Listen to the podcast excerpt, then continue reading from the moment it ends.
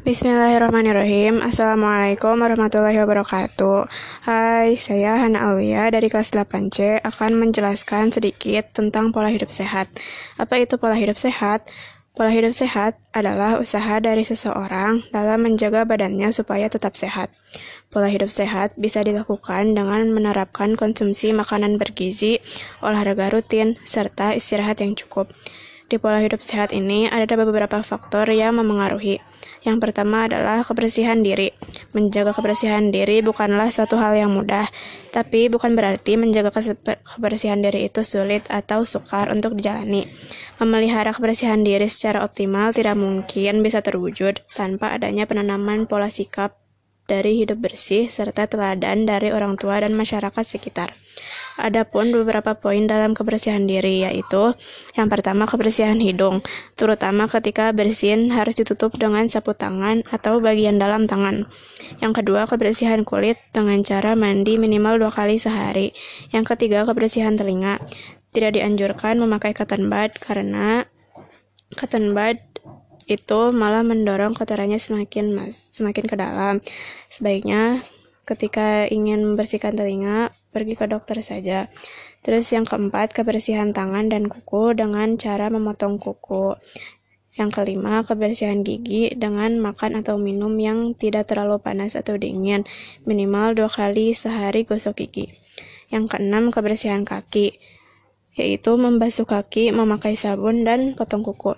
Yang ketujuh, kebersihan rambut dengan cara keramas minimal dua kali sehari. Eh, minimal sekali dua, dua hari sekali. Yang kedua itu pola minuman dan makanan sehat. Pola makanan yang sehat itu yang seimbang antara protein, karbohidrat, vitamin, lemak, mineral, air, serta serat makanan. Yang ketiga, pola gerak dan olahraga minimal 3 kali seminggu, 30 menit. Yang keempat, pola kegiatan seimbang. Harus seimbang antara rekreasi, istirahat, dan tidur, karena kesehatan mental kita juga sangat penting. Yang kelima, pola pencegahan dan penanganan penyakit yang ter bagi dalam tiga kelompok. Yang pertama, usaha pencegahan atau usaha preventif. Yang kedua, usaha pengobatan atau usaha kuratif. Yang ketiga, usaha rehabilitasi atau usaha pemulihan. Nah, kalau tadi itu faktor pola hidup sehat. Sekarang kita bakal bahas manfaat-manfaatnya. Yang pertama, manfaat secara umum. Manfaat secara umum itu pola pikir kita akan positif, terus badan juga akan terasa segar dan sehat. Terus berkonsentrasi dengan baik, dan masih banyak lagi. Terus manfaat secara jasmani, yaitu terhindar dari penyakit diabetes, menjaga kesehatan tulang, dan menghindari resiko stroke. Yang ketiga, secara mental atau rohani, mengurangi stres, terhindar dari depresi. Nah, itu dia manfaat-manfaat dari pola hidup sehat. Adapun tips pola hidup sehat adalah yang pertama harus evaluasi aktivitas fisik. Meski memiliki aktivitas yang padat, kita harus menyempatkan olahraga 150 menit setiap pekan atau bisa juga eh, tiga hari setiap pekan. Nah, setiap harinya itu 30 menit. Terus harus mengetahui kondisi kesehatan. Kita dapat memperbaiki pola hidup kita menjadi lebih baik. Makanya kita harus cek diri ke dokter umum dan gigi secara rutin.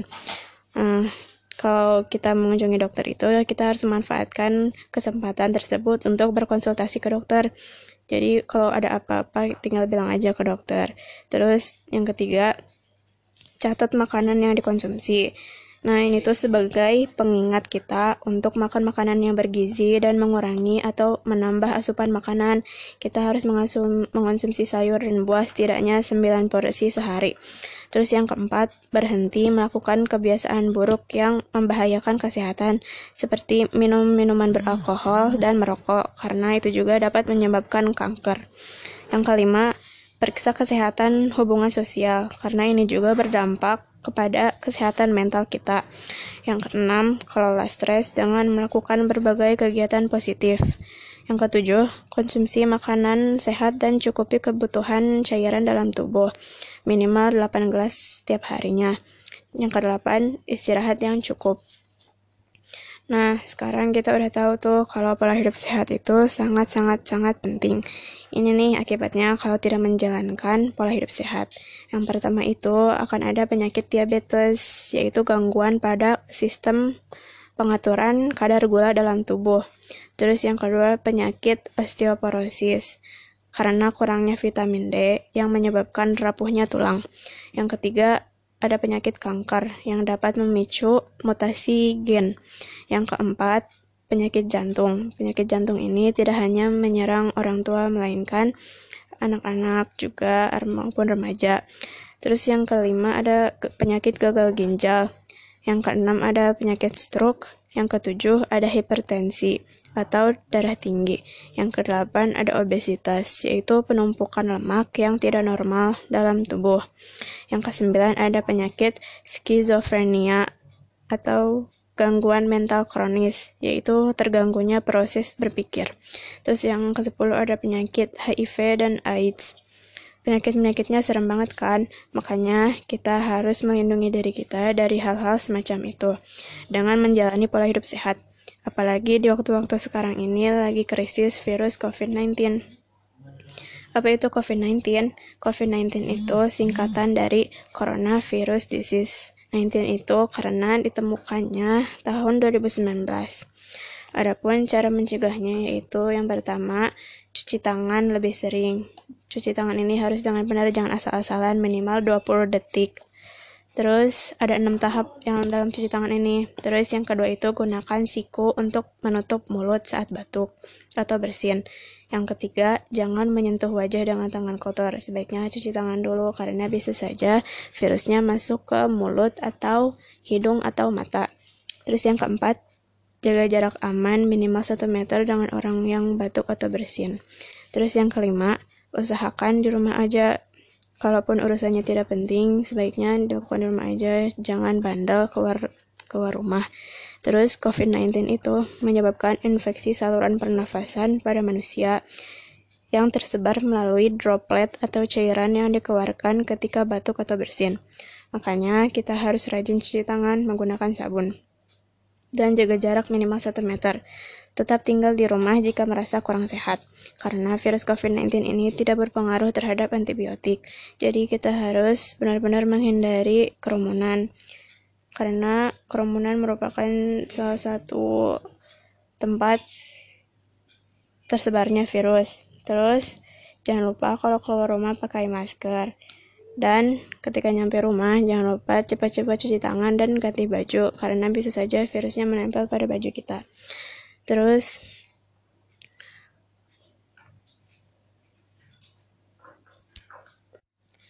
Terus banyak banget hal bermanfaat yang bisa dilakukan di rumah kayak baca buku, bantuin orang tua, uh, memasak, dan meningkatkan kemampuan kita yang lainnya. Sekian dari saya. Maaf bila ada salah kata. Uh, jangan lupa minum-minum yang banyak, uh, cuci tangan, terus jangan lupa tetap di rumah aja.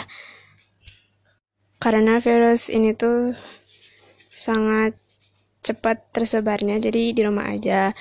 Pokoknya kalau misalnya ada hal yang gak penting yang mengharuskan keluar rumah, jangan.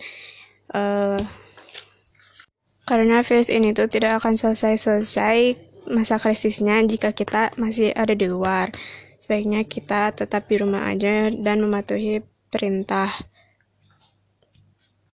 Semoga wabah ini segera berakhir karena sebentar lagi bulan Ramadan. Jadi harus berdoa agar wabah ini segera berakhir. Jangan lupa walaupun di rumah aja kita harus melakukan amalan-amalan sunnah lainnya kayak sholat duha, sholat tahajud terus odojnya dan menyebarkan kebaikan lainnya agar Allah segera akhiri COVID-19 ini. Pokoknya jangan lupa tetap cuci tangan, pakai masker. Kalau misalnya masker kain jangan lupa dicuci dulu habis dipakai. Terus hindari hewan yang berpotensi berpotensi menyebarkan virus. Dah sekian dari saya. Wassalamualaikum warahmatullahi wabarakatuh.